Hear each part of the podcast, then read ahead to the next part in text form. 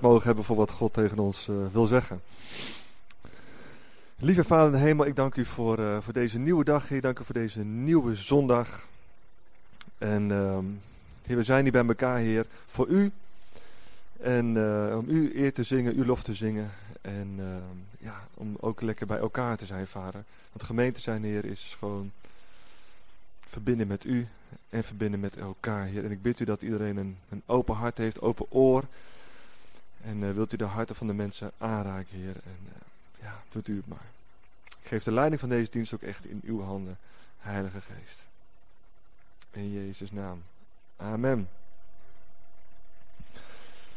Er is uh, momenteel ook ehm, kinderdienst. En de kinderen gaan vandaag iets heel moois doen. Waar we allemaal van kunnen leren. Sowieso kunnen we heel veel van kinderen leren. Daar roept Jezus ons ook toe op. Maar uh, as we speak op dit moment zijn de kinderen elkaars uh, voeten aan het wassen, letterlijk. Dus uh, laten we het voorbeeld van de kinderen volgen, zou ik zeggen. Soms misschien niet letterlijk, soms ook wel. Maar uh, even een lesje nederigheid, elkaars voeten wassen. Dat is wel bijzonder. En dat, sowieso zijn principes van God heel bijzonder. God is echt almachtig, hij is zo groot, hij is hij is alomvattend, hij weet alles. En dan komt hij gewoon als mens naar de aarde. Weet je wel? En dan wordt hij gewoon door mensen mishandeld, door mensen gedood. En dan gaat hij ook gewoon de voeten wassen van de mensen om hem heen. En dat zijn goddelijke principes. En wij als mensen willen vaak gewoon ja, wat hoger opstaan. Hè? Een beetje naar beneden trappen. Maar Jezus zegt van nee, ik ben de hoogste. Ik ben de hoogste. Ik ben de grootste. Maar ik ga het diepste. En dat zijn, uh, ja, zijn een van de vele principes die gewoon heel bijzonder zijn aan God. Vandaag is het thema God wil je dichter bij zijn hart. Oh. Nou, en hij wil ook zijn liefde aan je uitdelen. ja, ik zat vanochtend om kwart voor zes dit te maken, dus er is een beetje een discrepantie denk ik gekomen tussen mij wat hier staat en daar. Maar in elk geval, um, de onderdelen kloppen wel, de deelpunten zeg maar.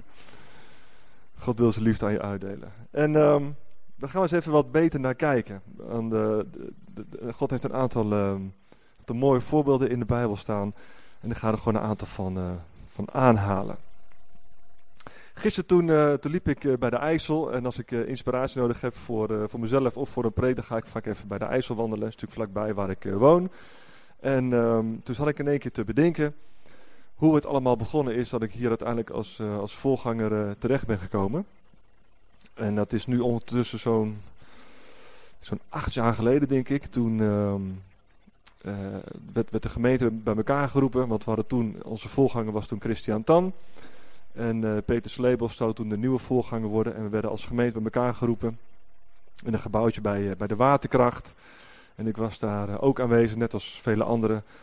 En daar kregen we het horen dat Christian naar Aruba ging. En Peter Slebels zou de nieuwe voorganger van de gemeente worden. En ik was daarbij. En uh, nou, het was een prima avond. Niet, niet zoveel bijzonders. En ik lag s'avonds in mijn bed. En ik zat er nog even over na te denken. En uh, uh, over ja, wat er die avond gebeurd was. En wat het dan zou gaan betekenen. En, um, en één keer kreeg ik, een, kreeg ik een visioen dat ik mezelf als volganger in een gemeente zag staan. En uh, ik hoorde daarbij een stem. En die stem zei, hiertoe heb ik je geroepen. Ik zei, wow, dat is wel de, dat was nooit in mij opgekomen, was niet een ambitie. Het, het, is op zich goed om ambities te hebben, het is ook goed om, om dingen in de kerk na te streven, maar het, het, was gewoon nog nooit in me opgekomen dat ik überhaupt een volganger zou kunnen zijn. En um, ik was er best wel van geschrokken, ik, ik, ik, kon er ook eigenlijk helemaal niks mee. Ik snapte er niks van, ik van nou oké, in spreken, nou, of iemand, of lesgeven eigenlijk nog liever. Dat zag ik nog wel enigszins uh, voor me.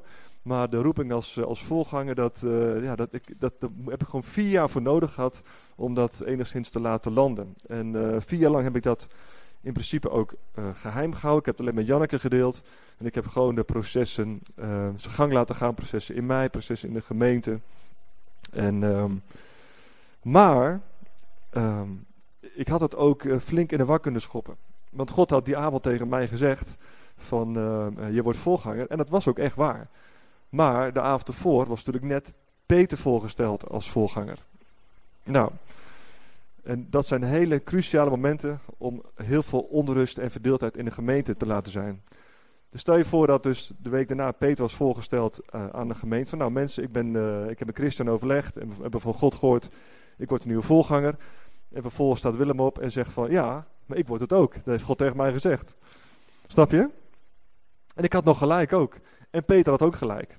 Dus uh, dat was natuurlijk een heel uh, rare situatie geweest. Maar ik had iets geleerd. Ik had iets geleerd in de jaren daarvoor. En daar wil ik even met jullie uh, naar gaan kijken. Als je kijkt naar het leven van, van David. En David was natuurlijk een heel bekend persoon en was een schaapherder. En de schaapherder in die tijd was toch een van de laagste beroepen die je kon hebben. Het was was een beroep waar je echt op neerkeek. Maar God kijkt naar iemands persoonlijkheid, God kijkt naar iemands hart en God kijkt naar iemands talenten die hij zelf in iemand heeft gestopt. En um, op een gegeven moment dan, uh, nou jullie kennen het verhaal, Giovanni heeft het vorige week ook uh, gedeeld. Dat mocht je niet gehoord hebben, luister het gerust even terug. Dat was een hele goede preek van Giovanni vorige week. op een gegeven moment komt David naar voren toe. En, en, hij zegt dan in het verhaal met Goliath, en hij zegt van ja, ik heb met een leeuw gevochten, ik heb met een beer gevochten. En ik ben er klaar voor om het gevecht aan te gaan. En vanaf dat moment begon hij in zijn roeping te wandelen. Maar vanaf het moment dat hij dus als koning was geroepen, tot aan het moment dat hij een koning was, zijn heel veel jaren verstreken. Er zijn heel veel dingen gebeurd. En, uh, en David die, uh, ja, die kon goed met leeuwen vechten, goed met beren. Maar misschien waren zijn broers nog wel veel beter in met leeuwen en beren vechten. Misschien had David wel tien leeuwen gedood, maar misschien hadden zijn broers er wel twintig gedood. Hè? En, en zo zijn er in mijn leven, misschien waren er wel mensen die beter konden spreken, wel zeker. Uh, misschien waren er mensen die andere vaardigheden hebben. Maar God zag David en God zag mij en God zag Mozes. Mozes kreeg een, werd, werd als klein kindje natuurlijk de vondeling gelegd.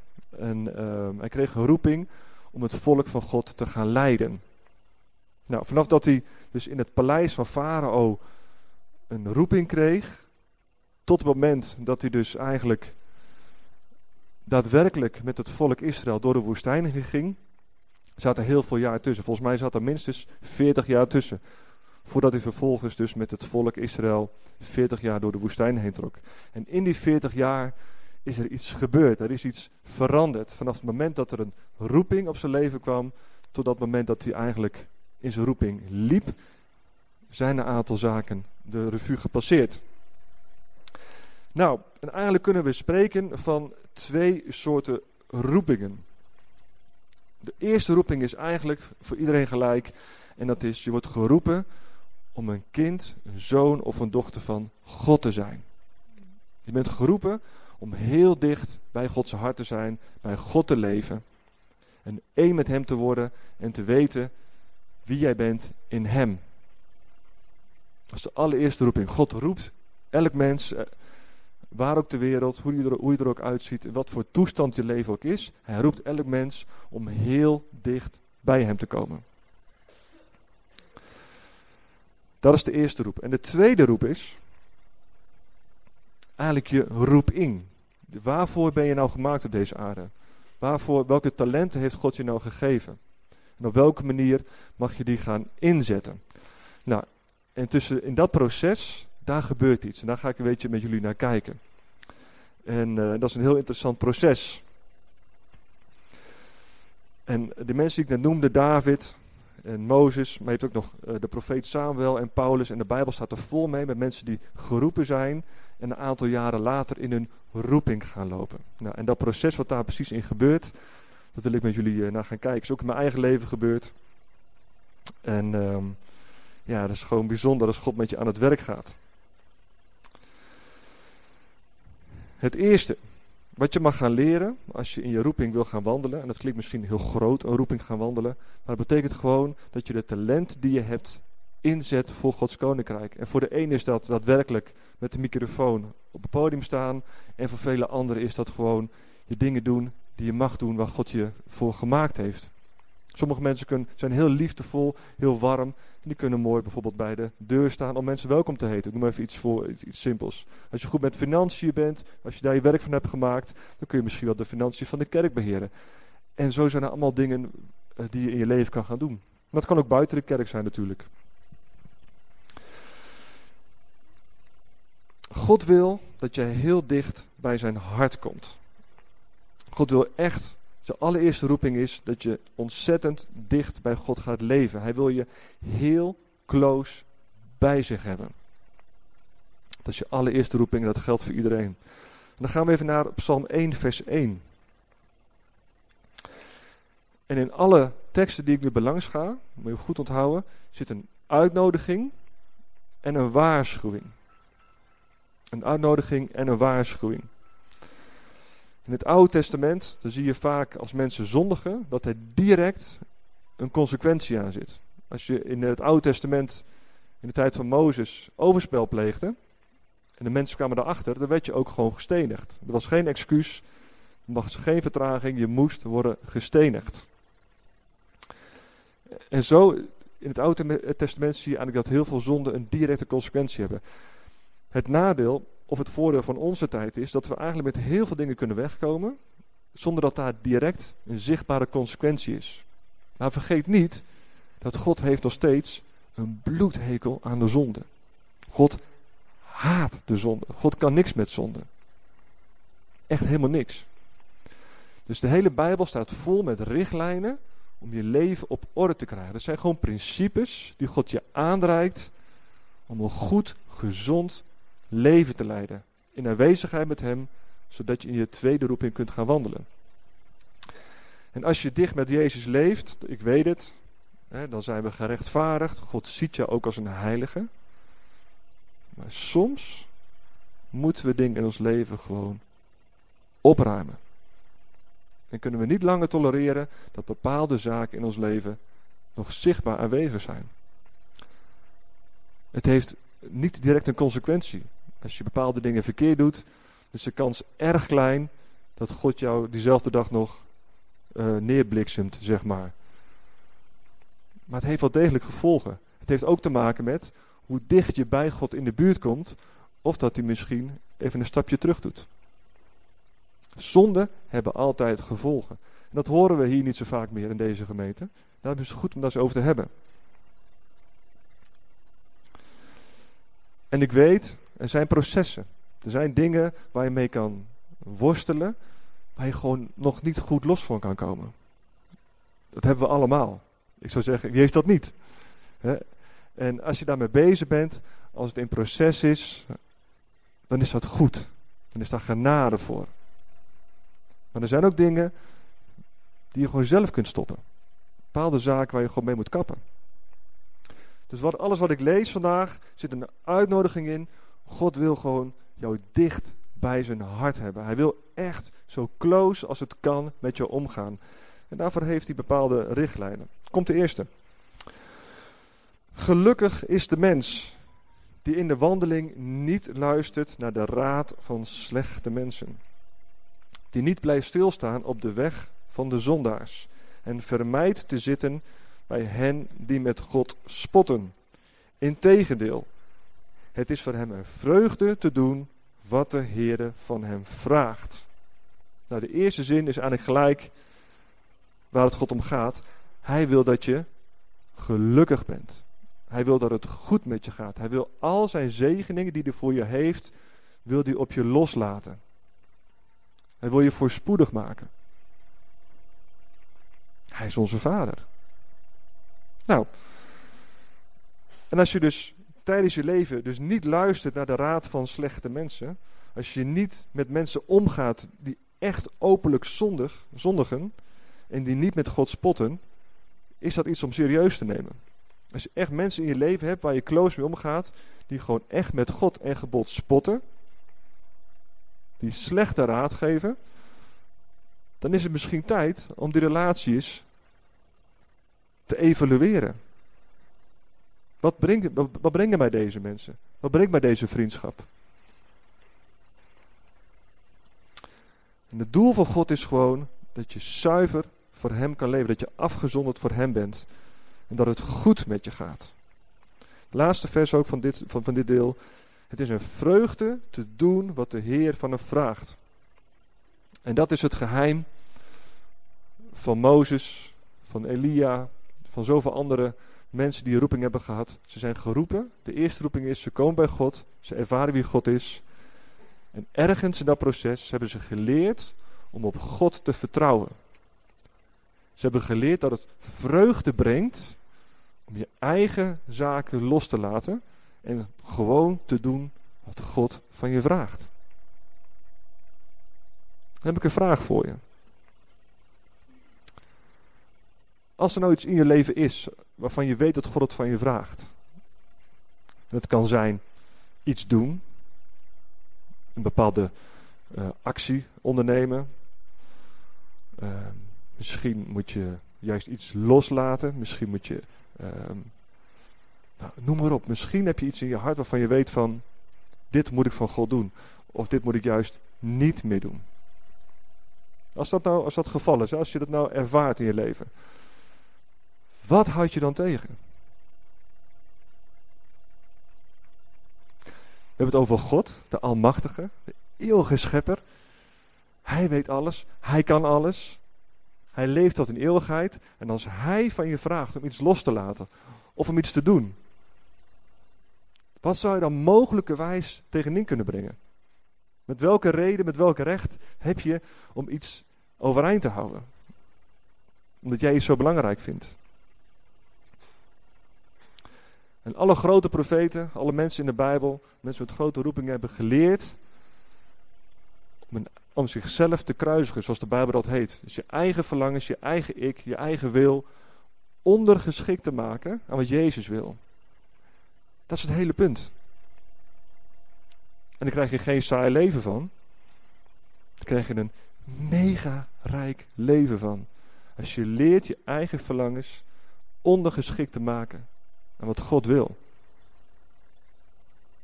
Daar ga je pas leven. Mag de volgende tekst erop. Het 1 Koningen 2 vers 3. Daar staat, doe wat God de Heer van je wil. Ga de weg die Hij je wijst. Er staat dus niet, doe je eigen wil en ga je eigen weg. Nee, doe wat Hij je wil. Doe wat in zijn wetten en regels staat. Zoals Mozes die opgeschreven heeft, dan zal alles goed staan. Nou, zijn wetten en regels, maar je kunt ook zeggen richtlijnen, aanvuringen, aansporingen. En waarom? Dan zal alles wat je doet goed gaan. God wil opnieuw dat het goed met je gaat. Maar er zijn wel richtlijnen aan verbonden. En God is geen Sinterklaas. En hij is ook niet je vriendje. Hij is je hemelse vader, die God is. Die een leger heeft van miljoenen engelen. Die heerst over deze wereld. En deze wereld loopt op zijn eind. Dat is niet zo moeilijk om dat te raden, denk ik. Dat staat ook in de Bijbel. En als je een beetje kijkt wat er om je heen gebeurt. Als je een beetje je ogen open houdt, dan weet je de schaakstukken, de pionnen worden klaargezet. hoe lang het precies duurt, niemand weet het. Maar je ziet bepaalde ontwikkelingen waarvan ik denk van nou, het begin van de eindstrijd is er wel. Nu al zijn christenen de meest vervolgde groep ter wereld. Wist je dat? Er is een uh, Finse politica uit de Tweede Kamer van, uh, van Finland, zeg maar. En heeft een, uh, ik geloof in 2004 heeft ze een, uh, een bijbeltekst uit Romeinen getwitterd. In een discussie met, uh, met theologen over seksuele reinheid. Die dame wordt al bijna twintig jaar vervolgd door de Finse overheid. En recent is ze vrijgesproken. In Engeland heb je, en dat zie je in Nederland ook, heb je om abortusklinieken heb je dus bepaalde safe spaces, waar je dus geen vrouwen nog mag aanspreken om zich te bedenken van abortus. Maar op die plekken mag je dus ook niet bidden. En in Engeland is er een vrouw geweest en die heeft er een stil gebed gedaan. Die stond dus in die zone en die zat in zichzelf te bidden en die is opgepakt. Kennen jullie dat verhaal? Nee? Jij wel? Die is opgepakt, vrijgesproken, Korte tijd later ging ze weer in die zone, ging ze in zichzelf bidden. Ze maakte geen toestand, ze maakte geen dingen. Ze stond er gewoon met de ogen dicht, of misschien met de ogen open, ik weet niet eens. In stil gebed in haar hoofd. Ze is voor de tweede keer opgepakt. Ja? Even een inkijkje in wat er allemaal speelt. Het is goed om te weten waar we voor staan. Dus los van het feit dat God wil dat het, dat het goed met je gaat, is het ook brood nodig in deze tijd dat we heel dicht bij God blijven. We hebben niet meer de luxe om er maar op los te leven. Die luxe is er überhaupt nooit geweest. Maar nu komt het erop aan. Nou komt het erop aan. Heb je genoeg liefde van God ontvangen? Heb je hem genoeg leren kennen om stand te houden met de zaken die nog gaan komen?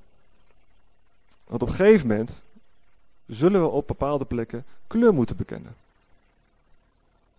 En ik zie heel veel organisaties, schoolgemeenschappen, stichtingen, besturen, die gaan allemaal kiezen ze voor inclusiviteit. En dat is dus inclusief de zonde. En dan gaan we niet in meewerken. Inclusief is, alles draait om Jezus. Maar er is geen ruimte voor de zonde.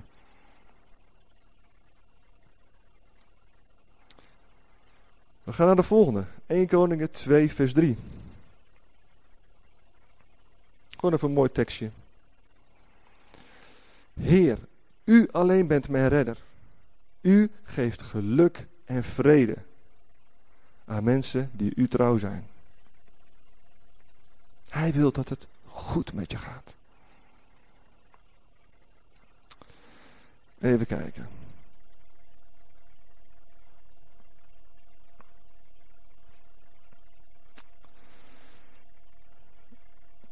Uh, ja. 1 Petrus 5 vers 6. 1 Petrus 5 vers 6 is ook zo'n mooie.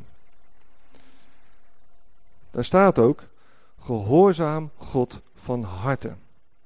Dan zal hij jullie eren als daarvoor het juiste moment is gekomen. Er staat niet bij je van, nou, goh, kies maar een paar bijbelteksten die je leuk vindt en ga die navolgen.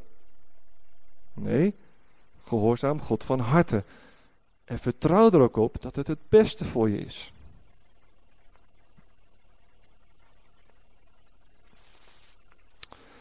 We gaan naar uh, Colossensen 3. Vers 5 tot en met 9.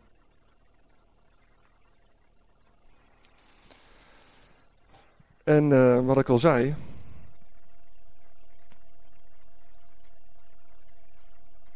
God wil dat het goed met je gaat. Hij wil heel dicht bij jou leven. En soms is het gewoon nodig dat je jezelf eventjes goed achter je oren krabt. En even spiegelt van, hé, hey, hoe staat mijn leven er eigenlijk voor? Nou, ik heb, ik heb zo'n lijstje voor je gevonden. Reken daarom af met je aardse verlangens. Punt. Nou, dat is hem al. Ja? Het gaat niet om je eigen verlangens. Het gaat om dat jouw verlangens op nummer 2 staan en die van God bovenaan. En dat geldt voor alles in je leven. Alles. En God wil dat je van het leven geniet. En hij geeft je ook bepaalde verlangens. Tuurlijk. We mogen genieten van elkaar. Maar wel ondergeschikt aan wat God van je vraagt. Hij zegt zelfs, je moet die aardse verlangens doden. Nou, dan komt er een mooie opsomming. Ga niet met allerlei mannen of vrouwen naar bed. Doe geen verkeerde dingen op het gebied van seks. Onze maatschappij is echt over seks. Niet normaal. Zelfs de reclames, zelfs gewoon leuke grappige filmpjes. Alles draait over seks. Waar of niet? Het is gewoon niet normaal. Het is gewoon echt niet normaal. En uh, nou ja, goed, ik, ik hoef er geen voorbeeld van te geven. Het is gewoon. Je tegenwoordig heb je ook, tegenwoordig heb je ook een, een seksuele identiteit. Ja? Nee, je hebt de identiteit in Christus. En daarbij valt nog heel veel op aan te merken. Het gaat echt om de eerste plaats. Jouw identiteit is in Christus. Wees niet langer hebzuchtig. Want hebzucht is een afgod. En God straft de mensen die deze dingen wel doen.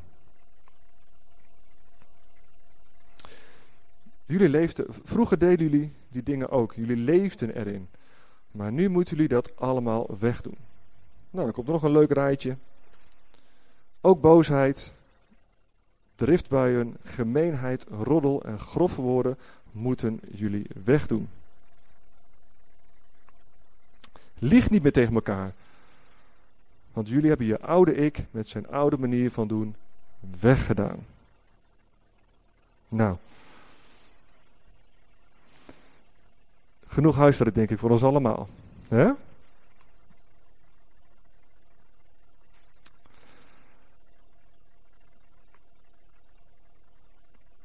eerste wat ik al zei is, de eerste is de roeping van God. Hij wil dat je dicht bij zijn hart komt. En dan gaat hij je klaarmaken. Hij wil je mooier maken, hij wil je beter maken. Hij geeft je zijn woord en zijn geest als richtlijn. Doe dit nou niet, doe dat nou wel. Laat dat nou los. Pak juist dat nou wel op, zodat je dicht bij God kan blijven. En dan kan hij je karakter gaan vormen. Kan hij je mooier maken. Kan hij je losmaken van de dingen waar je aan vastzit. Hij wil je losmaken van je verleden. Zodat hij jou een hele mooie, rijke toekomst kan geven. In dit leven al. Maar we leven niet op, voor dit leven. Even een mindset. We leven voor de eeuwigheid. Dat vergeten we wel eens. Alles draait om nu. Maar Paulus zegt, we zijn de beklagenswaardigste van alle mensen als we alleen maar naar dit leven kijken. Ze leven dit leven mag genieten van elkaar. Dat moeten we ook vooral doen. Maar onze blik is gericht op de eeuwigheid. We zijn niet maar tijdelijk. We zijn hier 50, 60, 70, 80, misschien 90 jaar. Dan zijn we weg. Maar God blijft er wel. Dat verandert niet. En vanaf het moment dat, hij, dat je hem hebt leren kennen, dat je ja hebt gezegd, dan gaat hij je vormen. En hij wil dat je heel dicht bij hem gaat lopen. Dan gaat hij je snoeien, en gaat je aanraken, hij gaat je liefde geven. En dan gaat je leren dat zijn wil doen het hoogste goed op deze aarde is. En dan heeft hij je op de plek waar hij wil hebben. Dan ben je bruikbaar voor zijn koninkrijk. Dan zegt hij van oké, roeping 1 heb je aan voldaan. Je hebt geleerd wie ik ben. En nou mag je gaan wandelen in waar ik je voor gegeven heb. En dan gaat met stapjes. Dan mag je gewoon lekker in gaan oefenen.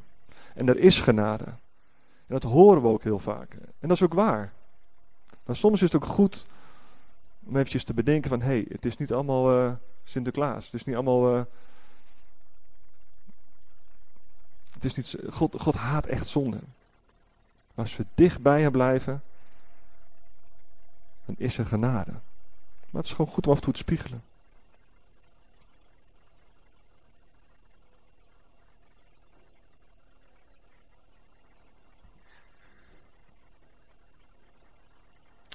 Hoe nu verder?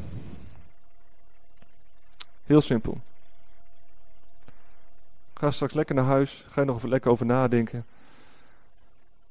En weet, één, er is genade voor de processen waar je in zit.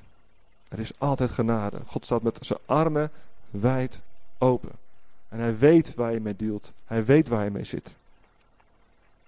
Maar misschien zijn er dingen, en heb ik je ergens op aangesproken, waarvan je weet van, dit is niet oké. Hier moet ik mee stoppen. En misschien heb je ook wel de kracht om ermee te stoppen. En als je de kracht er niet voor hebt, dan zoek je een broer of een zus op en dan ga je het met elkaar delen. En dan kom je straks naar voren, gaan we voor je bidden. En misschien moet er wel pastoraat komen, misschien moet je wel naar de psychologische hulp. Noem het maar. Maar blijf er niet mee zitten. En zeker niet alleen. En wat ik begin van de preek al zei, met welke reden kun je weigeren om iets voor God te doen? Met welke smoes kan je aankomen zetten? Als God vraagt je te vergeven, als God vraagt mensen te vergeven, dan moet je gewoon vergeven. Als God je op je hart legt om ergens mee te stoppen, dan stop je daar gewoon mee. Want God wil het beste voor je. Hij wil heel dicht bij je komen. Dat is wat hij wil. Hij heeft het geluk met je voor op de ogen, met je voor ogen. Even gaan staan, lieve mensen. Gewoon even een moment voor stil te nemen.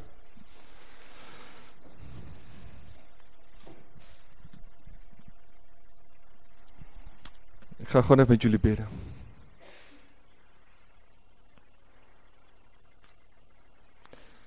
Lieve Vader in de hemel. Heer, u houdt ontzettend veel van ons, Heer. Heer, en ik dank u dat u altijd klaar staat, Heer. Met onze gebrokenheid. Met de dingen waarin we zitten. De dingen waar, we soms aan vastzitten. De dingen waar we tegenaan lopen. U bent hier, Vader. En u zegt, kom maar. Kom bij mij. Kom bij mij als je moe bent van de dingen van het leven. Kom bij mij als je gebukt gaat onder de zaken van het leven. Kom naar mij als je niet verder kan. Het is een open uitnodiging iedereen. Vader, ik wil u vragen of u de mensen wil aanraken, Heer. Die misschien niet door getriggerd zijn, Heer. Misschien, ja, bepaalde emotionele dingen hierbij voelen, Vader. Heer, ik wil u vragen, Heer, of u ons wil aanraken en aansporen om dicht naar uw hart te zijn, Vader. Zodat we echt zo zuiver mogelijk als het kan met u mogen samenleven in dit leven. En de eeuwigheid met u mogen leven en doorbrengen. En wat u wil geschieden door ons heen. Uw koninkrijk komen door ons heen. Dank u wel daarvoor. Amen. Goed, we gaan lekker zingen met elkaar. En als je straks gebed nodig hebt, als je een gesprek nodig hebt, we zijn er voor je.